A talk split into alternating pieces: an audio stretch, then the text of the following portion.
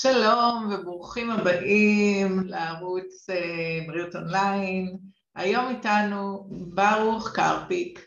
הזמנתי אותו בגלל ששמעתי על הצלחות אה, לטפל בחרדות בשיטות אה, חדשניות, והאמת היא מעוררות השראה ללא תרופות.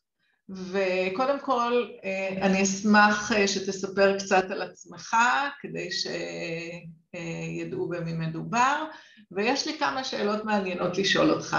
אז אה, בוקר טוב. בוקר טוב. אוקיי, על עצמי אני יכול לספר שאני את הרקע המקצועי שלי התחלתי בעצם ב-1995, התחלתי ללמוד את הנושא בפלורידה, ב-MIU, ואחרי שלוש וחצי שנים, כשאתה מקבל את ה-EMC שלך שם, הוא קצת שונה מאשר בארץ, אפשר להתחיל לעבוד. ואז גם הבנתי שאלה שבאמת מעסיקה הרבה מאוד אנשים, מי אני? אני בא מעולם העסקים, אני בא מעולם השילוח הבינלאומי, הסחר הבינלאומי. וגיליתי שאני אדם שמונע מאהבת האדם, אני מאוד אוהב אנשים. ואז שאלתי את עצמי מה אני עושה בעולם העסקים, והתחלתי לעסוק במה שאני עושה כיום. אמ, בואי נאמר שאי אפשר להפסיק ללמוד את, ה... את התחום של הפסיכולוגיה, חקר המוח, אני בחקר המוח מתעסק כבר שבע שנים, אה, אוניברסיטה פתוחה, אה, אה, ענת ברנע, דוקטור ענת ברנע, אנשים מאוד מעניינים שמהם אני לומד די הרבה, גם את הביו-פידבק והנוירו-פידבק. מאוד מעניינת אותי החדשנות. אז בעצם מי אני? אני המאמן אישי היום, שנמצא בארץ, הייתי מחוץ למדינת ישראל 17 שנים, אני מ-2004 בארץ, אני מטפל באנשים כעיסוק עיקרי, אה, מאוד נהנה מזה, וזהו. הלקוחות שלי הם מגיעים מהעולם של, ה, של הזוגות שצריכים עזרה, או מהורים וילדים, או, או אה, אנשים שנמצאים בעולם החרדות, שזה בשנתיים האחרונות זה פשוט מין גל כזה שתוקף אותנו מאוד מאוד חזק. תמיד היה, אבל בשנתיים האחרונות זה יותר חזק, רואים את זה אוכלוסייה קצת שונה. כן. עכשיו, אה, אה, אני רוצה שתעשה לנו סדר. מה ההבדל בין אימון אישי, אה, פסיכולוגיה קלאסית ופסיכיאטריה? מה ההבדל ביניהם והאם יש יתרון ספציפי לדבר אחד, לשיטה אחת או לאחרת? שאלה מעניינת כי בעצם אני, אני לא יודע מה זה מאמנים, אני יודע מה אני. אה, אני בעצם רואה את עצמי כאיש השטח. אני אומנם מבין בעולם האקדמי, אה, אני בקשר עם פסיכולוגים ופסיכיאטרים שאני עובד איתם בשיתוף פעולה. אני האדם שמלווה, וזה ההבדל הגדול, מלווה את המטופל שלי, את המתאמן שלי, לאורך דרך שהיא מאוד מדודה, שיושבים, בואו ניקח, ניקח את הפסיכולוגיה הקלאסית. הפסיכולוגיה הקלאסית, אתה יושב מול פסיכולוג, והוא רושם ורושם ורושם ורושם ורושם ובואי נאמר שיכולות לעבור חמש שנים או ארבע שנים או שלוש שנים ואין לנו תוצאות, בהרבה מקרים. האימון האישי הוא תוצאתי, אוקיי? אני מומחה לשיטה התוצאתית, שיש לנו שינויים משבוע לשבוע, משבוע לשבוע, זה ממש יש שם שילוב של, של coaching uh, uh, ו mentoring בתוך ה... שבפסיכולוגיה זה לא קיים, כמעט ולא קיים, למרות שהרבה מאוד פסיכולוגים אפרופו, ואני יודע את זה כי אני מרצה בכל מיני מקומות שבהם מלמדים קואוצ'ינג בארץ, אז כן מגיעים פסיכולוגים לקבל כלים מעולם האימון, בנוסף למה שיש להם, כדי להיות יותר תוצאתיים ויותר ממוקדים. העולם צריך שינוי הרי. הפסיכיאטריה זה בכלל נושא אחר, פסיכיאטריה, תראי, רפואת הנפש. אנחנו צריכים להגדיר נפש, כן? בואי נגדיר נפש, נגדיר נפש, אז נדע מה זה רפואת הנפש. והרבה מאוד ניסוי וטעייה, מבוסס בעיקר על תרופות. למעט מאוד יש, יש אנשים, ש, או מעט מאוד אנשים שיש להם את, את האמצעים הכלכליים ללכת לדבר עם פסיכיאטר פעם בשבוע. זה, זה לא נתפס בכלל, הסכומים שרצים שם. ואיתם אני יכול לעבוד רק בשיתוף פעולה. זאת אומרת, תראי, יש, יש פסיכיאטר שאני עובד איתו, אה, סרגי. סרגי הוא, הוא איש מאוד מיוחד, שהוא פסיכיאטר. אה, הוא מאלה שהאצבע שלהם מאוד מאוד אה, כבדה על ההדק, הוא לא אצבע קלה על ההדק שהוא רושם עכשיו תרופה ועוד תרופה ועוד תרופה ושלוש תרופות שאחת מבטלת את השנייה, אלא יושבים, שיחה רצינית, רואים בכלל אם יש צורך בתרופה פסיכיאטרית, בונים פרוטוקולים משותפים, מתחילים עם דברים קלים אם צריך באמת. אז, אז גם עם כאלה יש לי שיתוף פעולה, עם אנשים שאני מאוד מעריך אותם בדרך שבה הם פועלים. ופסיכיאטרים זה בדרך כלל אה, אנשים שרושמים תרופות, ותבוא בעוד חודש, נראה איך זה עבד עליך. מעט אנשים הולכים לפסיכיאטר על בסיס שבועי, כן? אז זה ההבדל, ההבדל הוא ש... אני גם אגיד לך למה החודש, כי תרופות פסיכיאטריות מן הסתם אה, שבועיים, ההשפעה שלהן לפחות שלושה שבועות עד שאתה מתחיל נכון. לראות את ההשפעה ולדעת נכון. האם זה עבד או לא עבד, אז אם אתה עושה נכון. בקצב יותר אה, מהיר, זה לא, עדיין לא נותן לך את האינדיקציה מה באמת קורה. יש גם תרופות פסיכיאטריות שעובדות תוך יומיים שלושה, אבל עוד פעם, זה, תראי, הבעיה עם תרופות פסיכיאטריות זה שהן, אה, יודעת, בואי, בואי ניקח לשנייה אחת רק אה, דוגמה של רטלין. תפתחי כל אתר אינטרנט שמכבד את עצמו ומשווה מה זה רטלין, אז אה, אין ספק שכל האתרים האלה מדברים על זה שרטלין זה בעצם פסט של סוג של קוקאין. עכשיו בואי ניקח קוקאין ונביא אותו לבית הספר וניתן לילדים לעשות עם המשאף, אז אנחנו עכשיו, עכשיו, עכשיו אנשים קיבלו זעזוע ממה שאמרתי. אז למה רטלין? אם זה אותו דבר. הדבר השני, זה שגם כשנותנים תרופה פסיכיאטרית שהיא רטלין, נותנים אותה למחלה שלא קיימת. כי אין דבר כזה בעיות קשב וריכוז כמחלה, זה לא קיים. זה הפך להיות מין נורמה כדי לא להפריע בכיתה, או כדי שהילד יהיה יותר טוב, או שההורים לא יצטרכו להפסיק יום עבודה. וזה מה שבעצם קורה. הדבר הנוסף עם תרופה פסיכיאטרית זה ש... אני אכנס טיפה רגע לחקר המוח, יש בין תא לתא, יש לנו סינופסות. הסינופסה הזאת, יש לה תפקיד, פה יש חומרים. והחומרים האלה צריכים לרדת פה לסוג של מנעולים כאלה, או כמו, אם זה נכנס למנעול וזה מתאים, אז זה מסדר את הבעיה. זה התפקיד של אותה סינופסה, בין תא לתא. כשיש התערבות חיצונית, למה שזה יעבוד? אני לא צריך לעבוד, כי יש בזה התערבות חיצונית.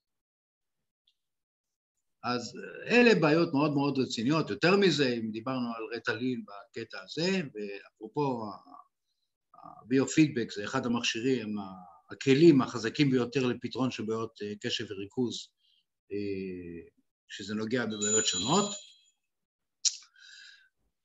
אז... אני, אני חייבת אה, ככה פה גם, קודם כל, לפני בכלל שמתחילים עם טיפולים, קודם כל לתת לילד DHA, אומגה 3 DHA, כדי לבדוק תקופה. יש המון פתרונות. זה, זה, הרבה פעמים זה נפתר ולא צריך לא ריטלין ולא שום דבר. אה, וגם היום יש שיטות גם ללמד אה, איך להגביר את הקשר והריכוז ושהן לא תרופתיות ולא כימיות. אה, אז בהחלט... נכון, אני ככה אקצר את זה כי השיחה היא לא על ADHD, אבל התכל'ס זה ש... כשיושב ילד בכיתה ומקשקש, מקשקש במחברת שלו, מקשקש, מקשקש, ואז המורה אומרת לו, ברוכי, תפסיק לקשקש כבר, כי היא עם ADHD, עם בעיית קשב וריכוז, והוא מוציא אותה עכשיו מהדעת, כי הוא גורם לה להסחות, ברגע שהוא הוריד את העט מהיד, הוא הפסיק לשמוע אותה. כן. ואנשים לא מבינים את זה, צריך ללמד... זה מרכז אותו. בוודאי. דבר אחרון, זה קטע של תזונה. הרי ילד כזה שלוקח רטלין, זה אומר שברגע שהוא לקח את הכדור, חצי שעה אחרי זה, גלי הבטא שלו עפים לשמיים, במוח. עכשיו, אמא נורא אוהבת אותו ויודעת שהילד הזה לא יאכל כלום בבית הספר, מכיוון שאין לו תיאבון, הוא לוקח את הלין. אז היא עושה לו את מה שהוא הכי אוהב, פיתה, פחמימה, עם שוקולד, סוכר. שני דברים שגורמים לגלי הבטא שלנו במוח לעוף.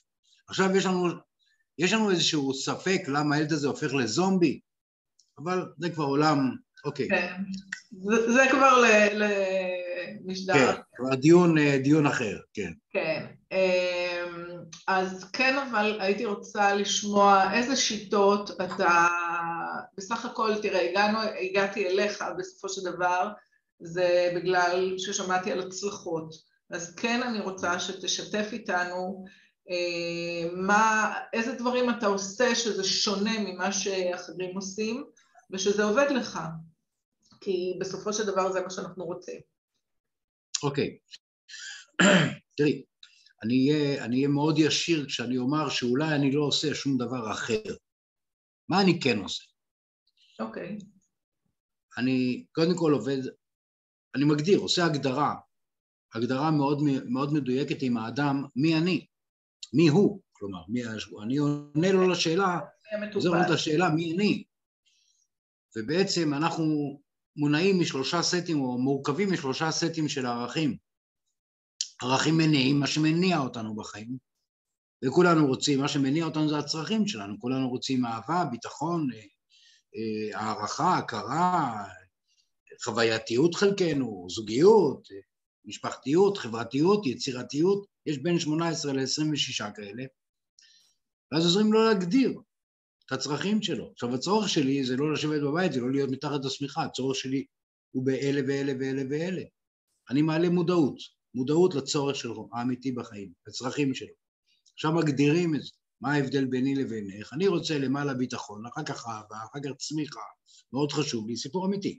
ואחר כך אני אה, רוצה משפחתיות, ואחרי זה זוגיות, ואחרי זה חברתיות, ואחרי זה חווייתיות. זה הסדר שלי. יש עשרה ראשונים חשובים. עכשיו אני מגדיר מה זאת אהבה בשבילי, איך אני חווה אהבה. אני יודע מה לבקש מהסביבה שלי. זה דבר ראשון. דבר שני, ערכי פעולה, איך אתה בא לידי ביטוי בפועל. איך שאתה בא לידי ביטוי בפועל, זה מה שבעצם נותן לך את התוצאות שלך בחיים. מביא לך את הצרכים שלך. זה אני אקצר בזה. ברגע שאדם מגיע למודעות, תוך שתיים שלוש פגישות למה שאמרתי עכשיו, יותר קל לו לכוון את עצמו הלאה. בנוסף, מכניסים CBT, Cognitive Behavior Therapy, לתוך התהליך. תהליך ששואל שאלות, מברר, האם מה שאתה אומר עכשיו זה רציונלי, אי רציונלי, נכון, לא נכון, מדייק את, ה, את הפרדיגמות שבהן אתה חי. בנוסף, זה מכניסים בתוך תהליך, למשל עם אנשים עם חרדות, ביו-פידבק. הביו-פידבק הוא כלי מאוד מאוד חזק לטיפול בחרדות. השילוב הזה, כולל המבנה האישיותי אולי שלי וההשפעה שלי על האדם, זה גורם, בואי נאמר שזה מביא אותי לאחוזי הצלחה מאוד מאוד גבוהים, אה, אני מנסה להיות צנוע כמה שיותר פה עכשיו בשיחה הזאת, אה, ואז אחוזי ההצלחה האלה באים לידי ביטוי בזה שאנשים באמת אה, חוזרים לחיים נורמטיביים. האמת היא שאם אנחנו מדברים על חרדות, בוא נגיד חרדות קשות ושהרבה פעמים מטופלים בתרופות, העניין בתרופות באמת שהם מורידים באופן משמעותי את הרמת תפקוד. ואז אה, זה מין איזשהו מסלול שהולכים אליו ואתה לא יכול לעבוד כמו שצריך, אתה לא מתפקד כמו שצריך, והדרך לסל שיקום ולהיות תלוי גם במשפחה שלך ולהיות נטל בסופו של דבר וגם אה, על החברה וגם על המדינה, על מערכת הבריאות. אה, כשאם אנחנו יכולים להעביר את האפיזודה הזאת של חרדות או של בעיה נפשית כלשהי ולהשקיע בפתרונות שדווקא הם לא תרופתיים ושאנחנו יכולים אה, לעזור לבן אדם בסופו של דבר להירפא. ולא משנה, נניח אם אי אפשר לעשות את זה על 100% מהאנשים, אבל גם אם 20%, 30% מהאנשים שאנחנו, אה, או שגורמים להם לא ללכת בדרך הסלולה לעבר אה, זה שהתפקוד והחיים עצמם מקבלים איזושהי תבנית מסוימת או תפנית מסוימת, אה, אז זה, זה ברכה. ולכן נכון. אני אה, אומרת לכל מי ששומע ומקשיב, קודם כל לנסות את כל הדברים האחרים, אה, ויכול להיות שיהיו דברים שעובדים, ולפעמים אנשים חווים איזושהי אפיזודה של, של בעיה נפשית. זה לא אומר שהם קיבלו מחלה לכל החיים וכל החיים הם צריכים אה, להיות על תרופות ו- ו- וטיפולים וזה. לפעמים אפשר לטפל באפיזודה הזאת ולהעביר את הבן אדם, להחזיר אותו לחיים רגילים, נורמליים, פעלתניים, נכון. אבל כן צריך את הכלים הנכונים. ואני אה, הזמנתי אותך גם, אה, כי אני רוצה באמת שתספר לנו על הכלים. אז CBT אמרת שזה אחד הדברים שאתה משתמש בו, בהם, ואני יודעת שאתה נכון, עושה גם ביו-פידבק. נכון, משתמשים במכשיר שהכרתי דרכך, ש, שמכשיר ביו-פידבק ביתי שהוא מדהים ויש לי עליו כבר עדויות של הצלחה. אני רוצה רק לחזור לרגע חזרה למה שאת אמרת כאן, כי את נגעת פה נקודה, או במספר נקודות, כי צריך לחלק את זה, מספר נקודות מאוד משמעותיות. אחד, זה ההשפעה של אדם שנמצא בחרדה, או נמצא בבעיה פסיכיאטרית כלשהי, על הסביבה שלו. איך המשפחה מגיבה לזה. איך האנרגיות נמשכות כולן כמעט לתוך אותו מצב חרדתי של האדם ספציפי, והמשפחה לא יודעת להתמודד עם זה. ברור. וזה גורם לתופעות שהסיפורים פה, אני, אני יכול למלא חדר, חדר שלם בקלסרים עם סיפורים על מה קורה בתוך משפחות כאלה. הדבר השני, וזה מאוד לא קל, הדבר השני, שבאמת צריך להבין שאפשר לצאת מהמקום הזה. עכשיו, יש דבר שהוא, אני אגדיר אותו בצורה הכי מקצועית שאני יכול.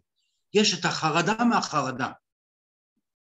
הפחד מהלא נודע אצל אנשים שהם חיים בתוך עולם של חרדות הוא פחד נשתק.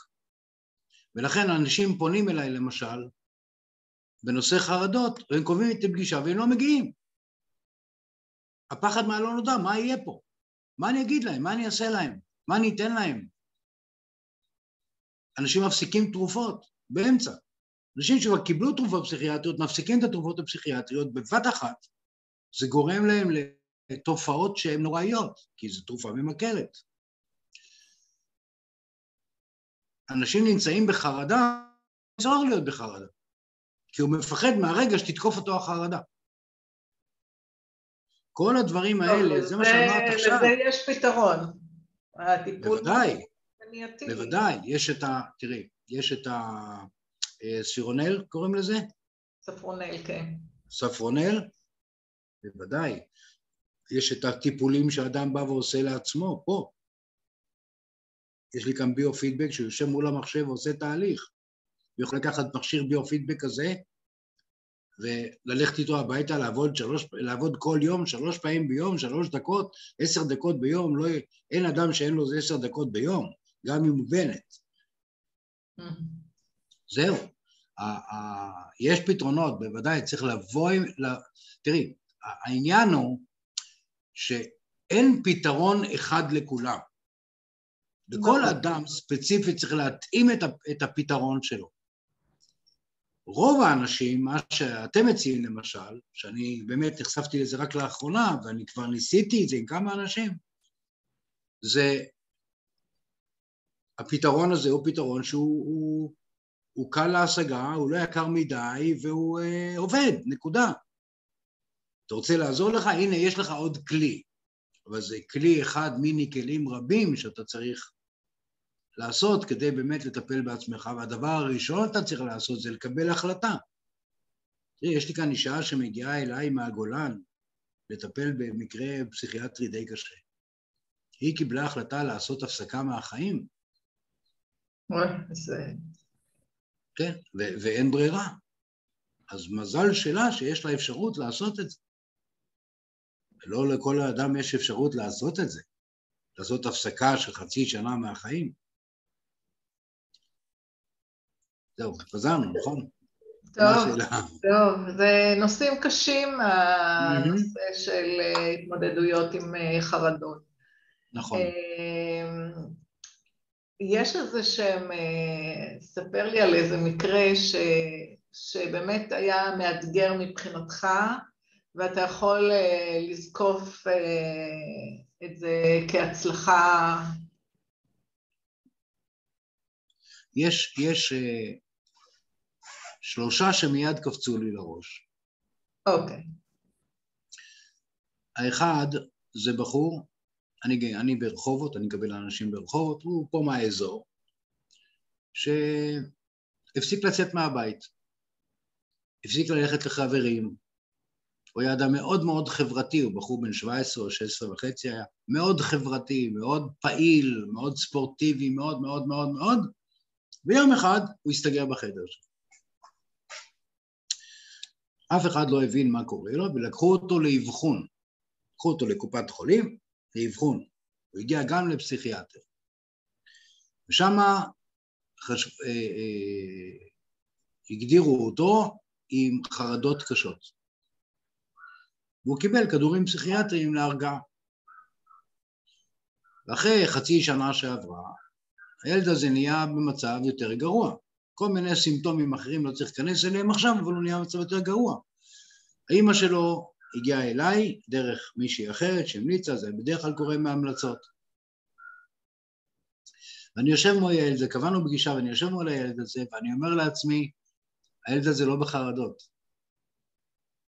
הסיפורים לא מתאימים, זה לא נכנס פה בפאזל.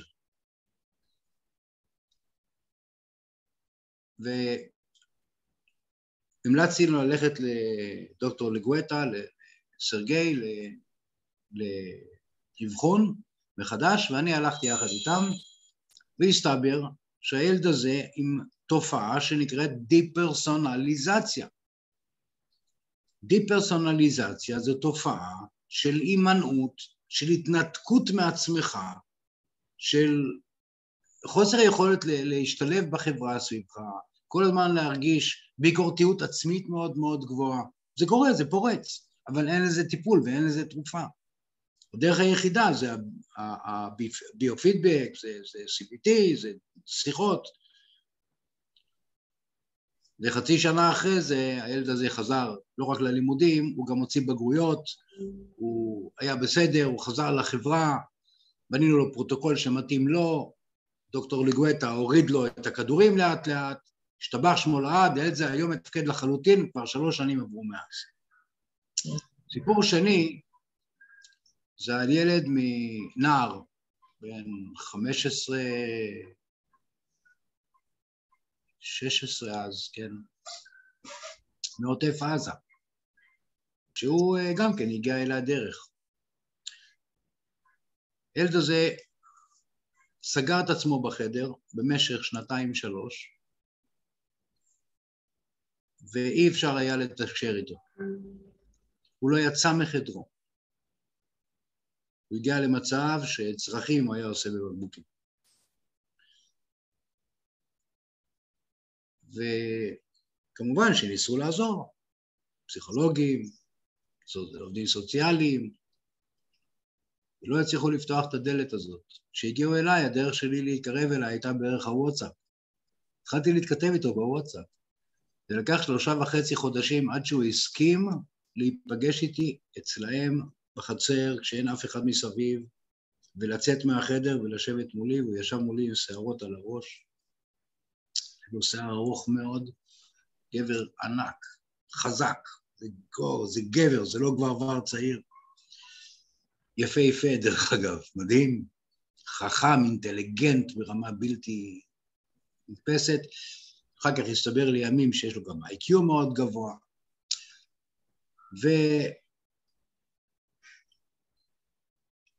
והיינו צריכים להגיע לבית החולים הפסיכיאטרי לשיחה יחד איתו, והפחד הגדול היה זה שהם פשוט יוציאו לו צו לאשפוז שם לאבחון לשבוע ימים, ואז הוא נשאר שם, זה היה ברור. אז הגענו בלעדיו, ו... to cut a long story short, אחרי שמונה חודשים, הצלחנו לצאת בפעם הראשונה לחוף אשקלון, והיום הוא בתפקוד מלא. הטיפול בו היה בשילוב של פסיכולוג מראשון לציון. אחרי שנה הוא התחיל להגיע אליי, לא אני אליו, והוא מתפקד היום, הוא חי היום בבית, בקיבוץ שבו הוא חי, הוא... אה, הוא מטופל תרופתי? לא. לומד. מה? והוא לא מטופל תרופתי. לא צריך. לא צריך. היה כדור הרגעה, זהו, ש, שעזר לו קצת. הוא היה אצלי, דרך אגב, בחנוכה האחרון להדליק נרות חנוכה. אה, אנחנו בקשר עד היום, זה מעניין. ו... כן. הסיפור השלישי זה סיפור על נער שהוא אה, מהדרום גם כן, שחי בבית עם המון המון מתחים. זה הסיפור שאני חושב שאחד הסיפורים הכי, אחד הכי קיצוניים שהיו. הוא חי בבית ששם מערכת היחסים בין ההורים היא קטטונית. אין צרחות, אין צעקות, אין מכות, אבל אין מערכת יחסים, כל המשפחתיות מפורקת. הוא כל כך היה צריך את, ה, את ההכרה וההערכה, אני מספר את זה, את הסיפור מהסוף, כל היה צריך את ההכרה וההערכה של האבא בו בעיקר, שהוא אה, ריצה וריצה וריצה, הוא היה מרצה כל הזמן, והריצוי הזה היה שם אותו בצד. ויום אחד גילו שהילד הזה יודע לרוץ, יש לו יכולות לרוץ, והוא רץ. הוא רץ ורץ, ואבא מעודד אותו, והוא לא רוצה לרוץ, אבל הוא רץ, מכיוון שהוא מרצה, הוא רוצה את ההערכה וההכרה והאהבה. עד שיום אחד הגוף קרס, הוא נפל כמו משותק, הוא שומע, רואה, זו התופעה, נופל משותק, והוא ואז לקחו אותו כמובן לאבחונים. והאבחון היה מניה דיפרסיה. שנתיים ומשהו, מניה דיפרסיה, כדורים, שלושה כדורים שונים, אין פלא שהוא מסתגר בחדרו, ואז הם מכניסים אותי לתמונה כי האימא שלו קיבלה את הטלפון שלי מהאימא של ההוא שסיפרתי עליו קודם.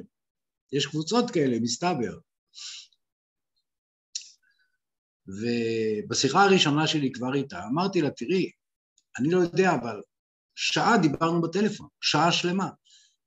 אם לילד שלך יש מנה דיפרסיה, אני מפסיק לעבוד מחר. את לא מתארת פה שום דבר שדומה למאניה דיפרסיה, ואני לא פסיכיאטר, אני לא רוצה להיות חוכמולוג בגוש, אבל בואי אליי, בואי נשב עם הילד, והיא הגיעה. וישבנו כאן, ושוב אמרתי לה, אני מבקש שאני אלך דווקא שוב לדוקטור לינגואטה, שהוא, אני מאוד מעריך אותו, ואני רוצה שהוא יבדוק את הילד. והגענו אליו. ובסוף הפגישה מחייך אליי דוקטור ליגטה ואומר, אתה ממזר, איך ידעת? הילד הזה הוא על גבול האוטיזם הקל. אין לו מאניה דיפרסיה. הוא לוקח כבר כמעט שלוש שנים כדורים פסיכיאטריים קשים. שינינו פרוטוקול, התחלנו לטפל בו. אנחנו היום שנה אחרי הסיפור הזה מאז שהוא התחיל, שנה פלוס, שהייתה הפסקה, הוא לא רק שהוא בלי כדורים פסיכיאטריים, כי ב- בליווי של דוקטור ליגואטה, הוא הוריד אותם. הוא... אה, אני אספר לך תכף מה קרה עם המכשיר שלך, שאת נתת לי, את uh, הכרת לי, איתו. הוא uh, עצמאי לחלוטין, החרדה החברתית שלו עברה כמעט לחלוטין, הוא משתתף בקבוצות, הוא התחיל ללמוד, הוא התחיל ללמוד, הוא עכשיו, ממש לפני חוד, חודשיים, אני חושב, משהו כזה, התחיל את הלימודים שלו, הוא אה, הולך לצאת מהבית של ההורים, דרך אגב, הוא מוכר בביטוח לאומי, הוא מקבל כמעט 4,000 אה, שקל בחודש, הוא יכול להרשות לעצמו להשתתף בכל מיני פרויקטים כאלה שמאפשרים לחבר'ה כאלה את ה... לחיות ביחד ויעלה להם גרושים, אפילו אם הוא הולך לעבוד בעבודה עם משכורת מינימום, בינתיים הוא יוכל לחיות, משכורת בסדר, בשביל להתמודד. הוא חברתי, הוא נחמד, הוא כיפי, אני כל כך גאה בו, אני מדבר עליו בהתרגשות תמיד כל כך גדולה, כי, כי את אומרת, ההצלחות שלך, זה לא הצלחות שלי, זה ההצלחות שלהם. זו הצלחה שכל כן, אחד ואחד כזה. אבל אה, צריך מישהו שיראה את הדרך. נכון, צריך מישהו שיאמין בך.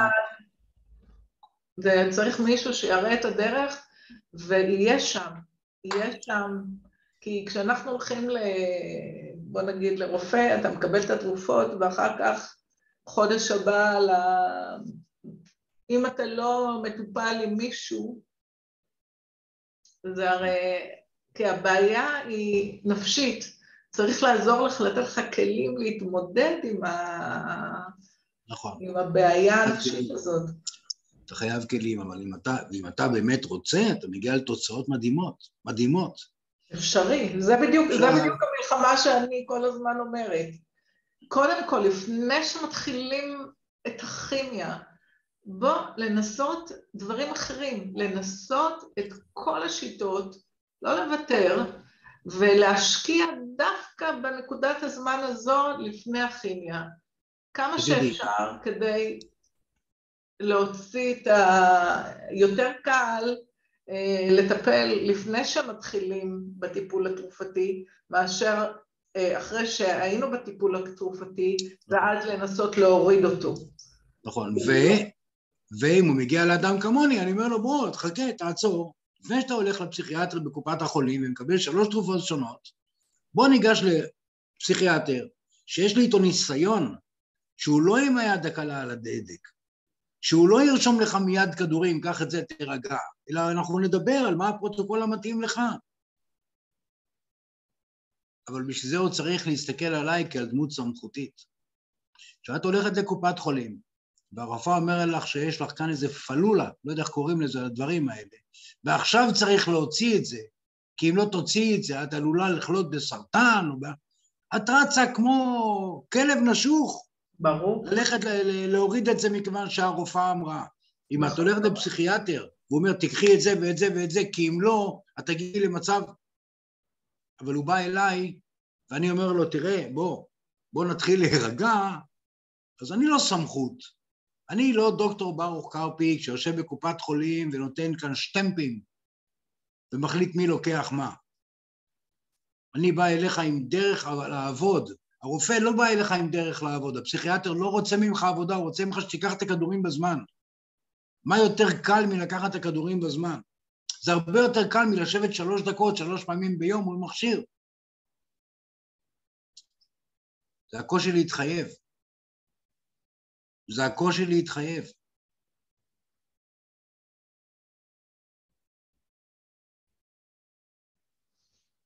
טוב, בסופו של דבר, אה, כולנו רוצים להיות אה, מאושרים, לתפקד טוב. נכון. אה, ויש מבינינו שקל יותר להגיע לזה, ויש מבינינו שיותר קשה להם להגיע לזה.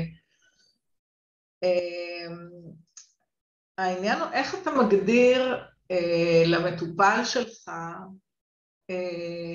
איך אנחנו יודעים שהגענו למצב שהוא, שהוא טוב, שהוא, שהוא מאושר, שהוא... אה, מה רושר? כן, לפני שאני אגיע למה רושר, אני רוצה להגיד לך משהו. המכשיר, הקלמיגו, נכון? כן. והכדורים האלה ש... ש... מה שמם? ספרונל. איך? ספרונל. נכון, ספרונל, ספרונל. אני כל הזמן אומר זה לא נכון, זה ספרונל. אני הרי לקחתי ממך מספר מכשירים, מיד קניתי כאלה, כי אני אוהב קדמה ואני יודע מה מדובר ואני קראתי על זה ואני התעניינתי, ולקחתי גם את, ה... את הכמוסות האלה, ונתתי את זה לאדם אחד שהוא עם אה, חרדות, כבר לא, סיפרתי עליו קודם, זה לא חרדות חברתיות כבר, כי אנחנו הרבה יותר טוב שמה, יש לו עדיין את החוסר יכולת לקום בבוקר, את הפחד מה יהיה עכשיו. אה, זה, זה בא לידי ביטוי בהימנעות, הרבה הימנעויות. זה בא לידי ביטוי גם במצבי רוח ירודים. הוא התחיל לקחת את זה ביום חמישי, שבוע שעבר, וכבר ביום ראשון הוא סיפר לי שהוא מרגיש יותר טוב, שהוא קם בבוקר, שלחתי לך את זה אני חושב, לא? כן, כן, אני יודעת, אני מאוד התרגשתי לראות את זה. כן, הוא קם בבוקר, הוא התעורר בשבע בבוקר, מלא חיים, ויטלי, הוא היה פה ביום שני, הוא סיפר לי את זה, הוא מקפיד, הוא עובד עם המכשיר, עם הקלמיגו, הוא לוקח את ה... הוא לוקח את, ה, את הספירונל והוא פשוט פתר לו בעיה שליוותה אותו, שהיא הייתה בעיה מינורית אמנם, היא לא הייתה החרדה החברתית הגדולה שהייתה לו, אבל היא מאפשרת לו לתפקד. מאפשרת לו לתפקד, מאפשרת לו ללמוד, מאפשרת לו להצליח. מעניין יותר זה שאני נתתי את, ה, את, ה, את שני הדברים למישהי עם אה, פיברומיאלגיה. פיברומיאלגיה זו מחלה, זה משהו פסיכוסומטי לחלוטין, אין לזה תרופות בכלל, אין לזה שום תרופה. מכירים את זה בביטוח לאומי כבעיה, אבל זה לא... אני לא, לא, לא, לא, לא, אגיד שזה, לא אגיד שזה פסיכוסומטי, אולי יש מביניהם כאלה שזה בסדר, אבל יש כאלה שזה באמת אה, משפיע עליהם, על, על החיים שלהם. בוודאי אה, שזה משפיע על החיים, בוודאי שזה משפיע, אבל זה פסיכולוגי לחלוטין. זה לא אוקיי. בא מבעיה רפואית. אני, אני כל כך התעמקתי בזה, שעוד אף רופא לא אמר לי, תשמע, יש פה בעיה של ויטמין D, בואו נוסיף ויטמין D. אבל אולי נלמד דברים חדשים בהמשך. אבל אני יודע שזה בא היום מהמצב הנפשי הקשה שלה. נתתי לה את המכשיר, ונתתי לה את הסירונל, ואחרי שלושה ימים היא דיווחה שאין לה את הכאבים בכתפיים כשהיא קמה בבוקר, יש לה פחות כאבים והיא מסוגלת יותר להרים את הידיים. עכשיו שווה לבדוק את זה. זה מה שנקרא ניסיון אחד, על אדם ספציפי, לא, לא ניסוי קליני, אבל שווה לבדוק את זה. כי במקרה הזה זה פשוט עובד. וזה לא עובד מכיוון שנתתי לה כדורי הרגעה, וזה לא עובד מכיוון שהיא לקחה שמנים כאלה ואחרים או אומגה שלוש. לא. זה מה שהיא לוקחת. חוץ מזה שהיא באה לכאן לתהליך. אז אלה הדיווחים הראשוניים אה, שיש לי. פיברומיאלגיה אה, זו בעיה באמת קשה, והולכת ועולה השכיחות של הפיברומיאלגיה הולכת ועולה, והאמת היא שזו נקודה מעניינת, כי אני לא, לא, כאילו אין לי התנסות, ב, יש לי התנסות בפתרונות אחרים, אבל לא בפתרון הזה שאתה אה, ניסית אותו, והאמת היא שאני הולכת לבדוק את זה, כי... מאוד שווה. כי אה, אנשים מחפשים מזור, אז זה משפיע על איכות החיים, אתה לא יכול לתפקד כמו שצריך. ודאי. ו... ואם יש איזה משהו שיכול לעזור, אני רוצה לבדוק את זה, ואם כן, זו בשורה ענקית, ענקית. ודאי. תראי, אני, אני יודע שרופאים שונים מציעים תרופות הרגעה או תרופות פסיכיאטריות כדי לעזור למצב של פיברומיאלגיה. שוב, אפשר לעבור את זה בלי זה, מכיוון שאם זה באמת נפשי, אם זה באמת מצב של סטרס שגורם למחלה, ואני לא רופא, אני לא רוצה להתיימר להיות רופא,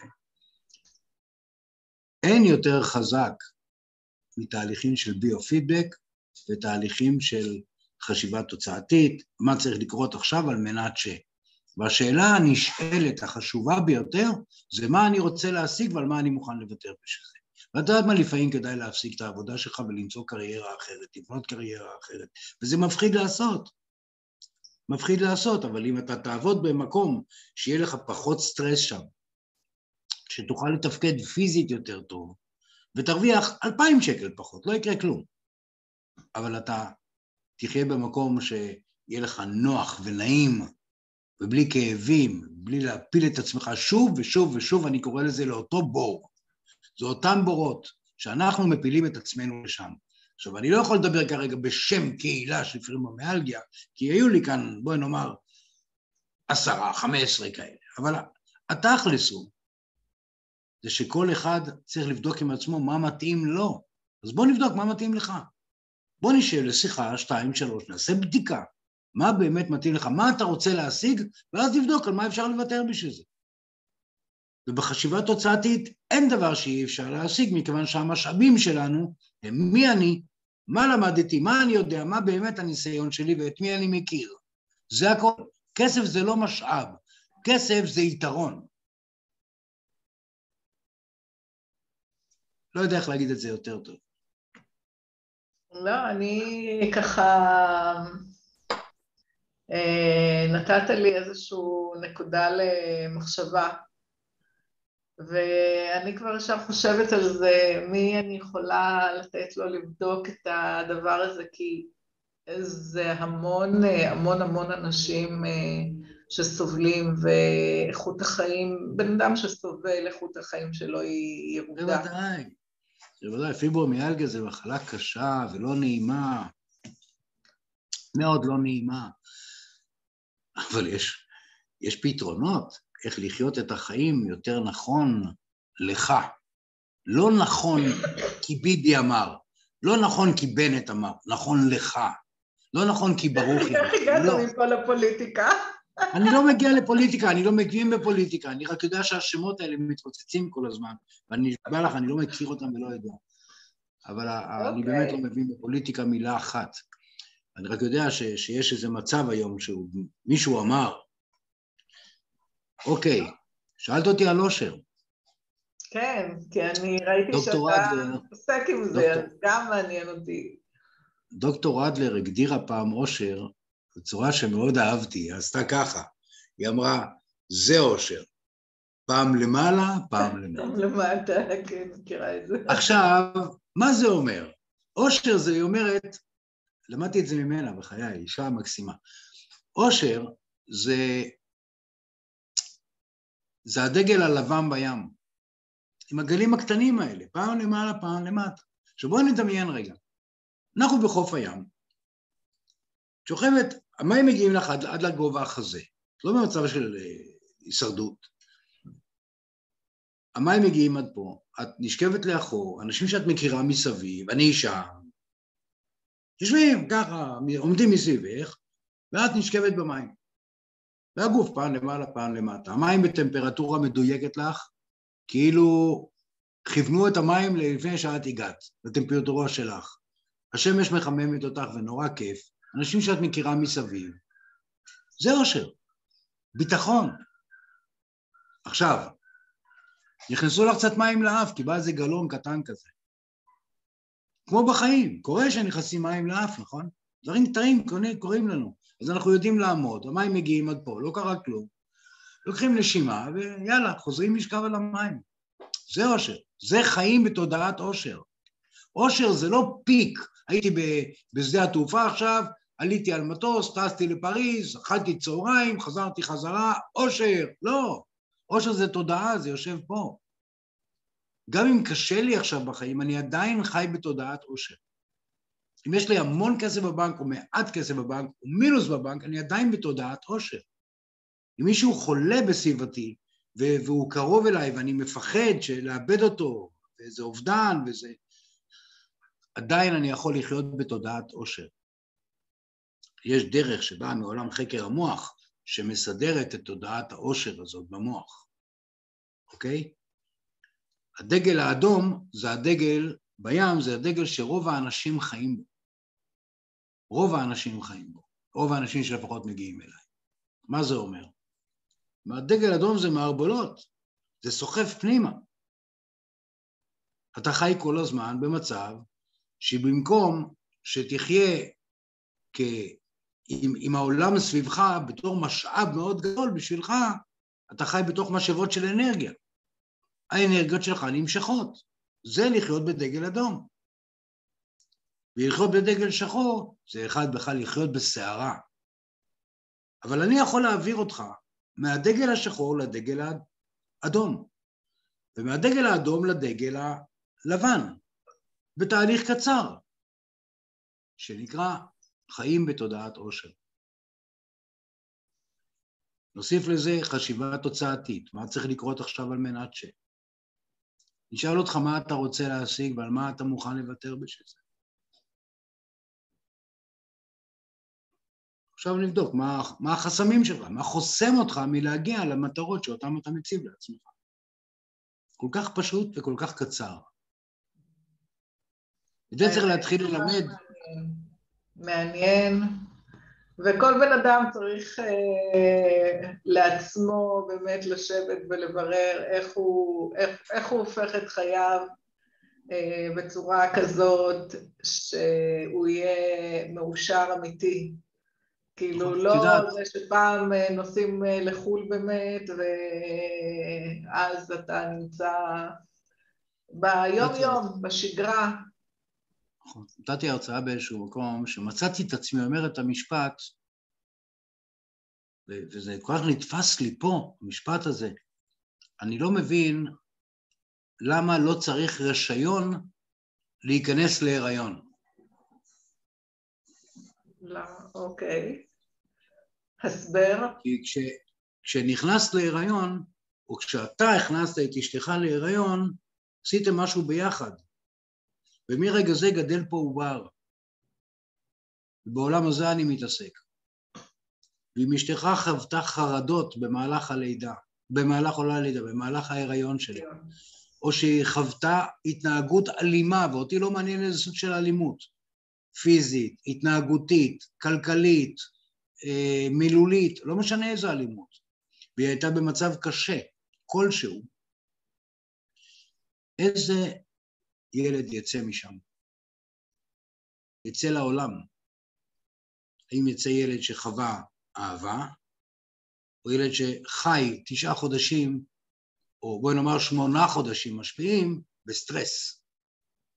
האם הסטרס הזה עובר לאימא או לא? צריך ללמד אנשים איך מתנהגים כשאנחנו לוקחים כזאת אחריות, כשאנחנו רק נכנסים למצב הזה. כשהוא יצא החוצה, מה קורה אז? עובדה מדעית, אדם בונה את אישיותו במצב שלא ישנה אותו יותר עד גיל שש. עובדה מדעית, את כל הצרכים שלנו, כל הערכים המניעים שלנו, אנחנו בעצם מעצבים עד גיל 12. את ההתנהגות האישיותית הפסיכולוגית שלנו בחיים אנחנו מייצבים עד בחרות צעירה מאוד. את כל החסמים שלנו האלה שיושבים במגדלה, פה, מאחורה, אלה שיושבת מתחת למוח שאנחנו כולנו מכירים, עד גיל 13 בערך. אז איך עושה אדם שינוי בחיים? הוא עובר מדגל אדום או שחור לדגל, עד שהוא מגיע לדגל הלבן. ויש דרך לעשות את זה, יש דרכים לעשות את זה בתקופה קצרה. לא צריך להמשיך לחוות חוויות שליליות. אם יש כלים כל כך מתקדמים, חדשניים, כמו שכלים שהגדרנו אותם כרגע, קל מגובה, אלוהים אדירים, קח, תשתמש. לא צריך לקחת משכנתה בשביל זה. אין שום צורך במשכנתה. קח, תשתמש, תשלם את זה בחמישה תשלומים. קח, תשתמש. מה יקרה? מה, מה, מה תפסיד? עשר דקות ביום? מקסימום תצליח. מקסימום תצליח. מקסימום תצליח. בדיוק. כן. צריך רישיון לתת לאנשים כדי להתחתן. זוגיות. מה זה זוגיות? אהבה, אינטימיות, תשוקה ומחויבות. אהבה, מה זה אהבה? זה לא באמת רגש, זה אוקסיטוצין שיושב בו במוח, תחזק אותו. זה הורמון. הוא בא לידי ביטוי כרגש. אינטימיות זה מה שאת ואני עושים עכשיו, זה שיחה, זה לדעת לשוחח ביחד. שיחה מכבדת. לשבת ביחד פעם, פעמיים בשבוע, שתהיה לנו חברתיות משותפת, אולי נלך להרצאות יחד, צמיחה משותפת, זה אינטימיות. תשוקה זה לא סקס, תשוקה זה הרצון להיות ביחד, הצורך שלי לבוא הביתה. אם יש לי אהבה ויש לי אינטימיות טובה, ויש לי ערכים כמו משפחתיות, אהבה, כבוד, אה, אה, זוגיות טובה, למה שאני לא אבוא הביתה? למה שאחרי העבודה אני ארצה ללכת לחבר, כי לא בא לי ללכת הביתה לראות את אשתי, אני מת על אשתי. אני מתגעגע אליה גם כשאני איתה. זה כתוב מאוד יפה בספר. האמת היא, צריך, צריך לתת, לך, לתת להרבה גברים לשמוע את ה... צריך, צריך לתת לאנשים רשיון. צריך ללמד אנשים בגיל, בגיל גן חובה לשאול את השאלה הזאת, מי אני? ולענות עליה. זה לא קשה. וצריך לתת לאנשים רישיון לצאת לחיים. זה לא קשה, כי למה אנשים לא מגיעים לפני זה ולשאול, חבר'ה, אני הולך לחיים, מה לעשות שם? מה צריך לקרות עכשיו על מנת ש... מה מותר, מה אסור? אנשים לא שואלים שאלות כאלה, כי הם מפחדים לשאול את השאלות האלה. כי אולי יגידו לי משהו שימנע ממני את העונג הבא. טוב. ואף אחד עוד לא, אף אחד עוד לא, יש לי חברה טובה בשם קלרה סלאי, היא, היא, היא, היא פילוסופית מאוד מאוד טובה, והיא פעם אמרה לי, פעם ישבתי מולה ואמרתי, אני רוצה שתתנגדי למשפט הזה. החיים פשוטים, תתנגדי לי. אני אוהב התנגדויות. היה קשה מאוד להתנגד למשפט הזה, החיים פשוטים, החיים נורא פשוטים. אתה חולה, טפל בעצמך, אתה בחרדות, ניתן לטפל בזה. אבל תחליט, תחליט, אני לא יודע כלום. תחליט, אני לא יודע שום דבר. תזכורות פה רגע. תחליט, אני מוכן לבוא ואני לא יודע. אני, אני לא יודע. אני קם בבוקר ואומר שלושה דברים. אתה מודיע אני הרגיל. מודה אני שהתעוררה זו לידי אוהבת ונאהבת עדיין, ומודה אני שאני, יש לי הזדמנות לקום ליום חדש וללמוד עוד דבר אחד חדש. כי אני לא יודע הכל. אני מוכן להודות שאני לא יודע הכל. אבל בואו נברר יחד. יש לנו כל כך הרבה משאבים, כל כך הרבה אנשים שאנחנו מכירים אותם, כל כך הרבה כלים, כל כך הרבה ניסיון עבר, בואו נלמד יחד. וחרדות ניתן לפתור ולצאת מהמקום הזה. צריך גם תמיכה לפעמים של המשפחה. לפעמים זה חייב להיות שם. מה זה אובדן? למה להתגרש זה אובדן? למה הפחד הגדול הזה? אני הולך לאבד את המשפחה שלי, את האהבה שלי, אני מאבד את ההכרה וההערכה שהייתה לי עד לפני שנה. אני באובדנים, הרי זה אובדן. אובדן זה לא לאבד מישהו, זה לאבד את מה שקיבלת מהמישהו, או מה שיש לך מהאנשים האלה סביבך. זה האובדן האמיתי.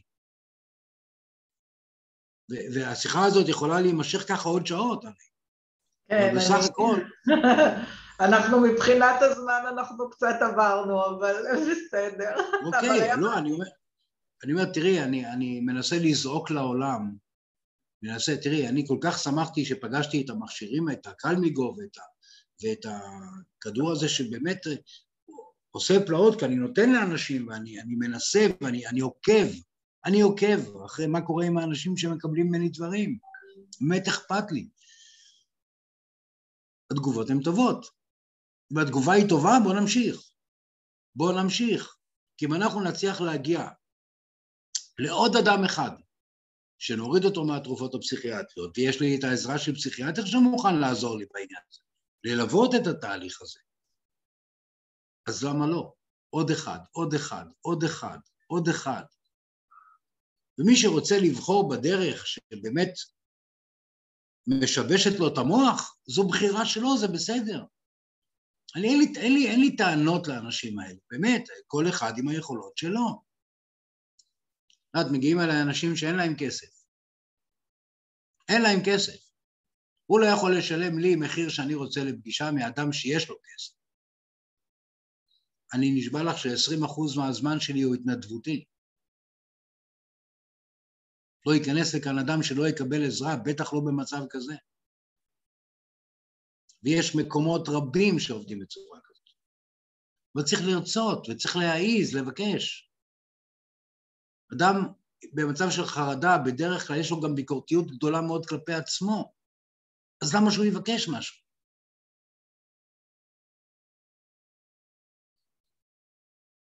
טוב, בקיצור, יש, יש, יש מה לעשות, לא, כן. וכמו שאמרנו קודם, צריך את ה... אה, לדעת, לקבל את הסל כלים כדי אה, להתמודד עם הדברים בעולם. אה, ואני מאוד מאוד שמחה שיש, ואני נורא מודה לך, כי היה בעיניי מאוד, שיחה מאוד מרתקת, מעניינת.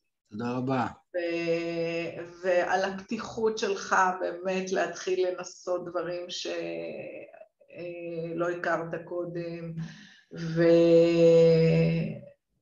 ובסופו של דבר לאסוף עוד גם לעצמך סל כלים טיפוליים חדשים שעובדים. ו... איך אמרת? רק אושר ובריאות הכי טוב. בתודעת אושר זה לא מצווה, זה צורך אמיתי. זה צורך אמיתי, אני מסכימה, אני מסכימה. אז תודה רבה, היה לי ממש כיף ומעניין. תודה גדולה מאוד ותודה לך. ושיהיה יום נפלא. ביי ביי.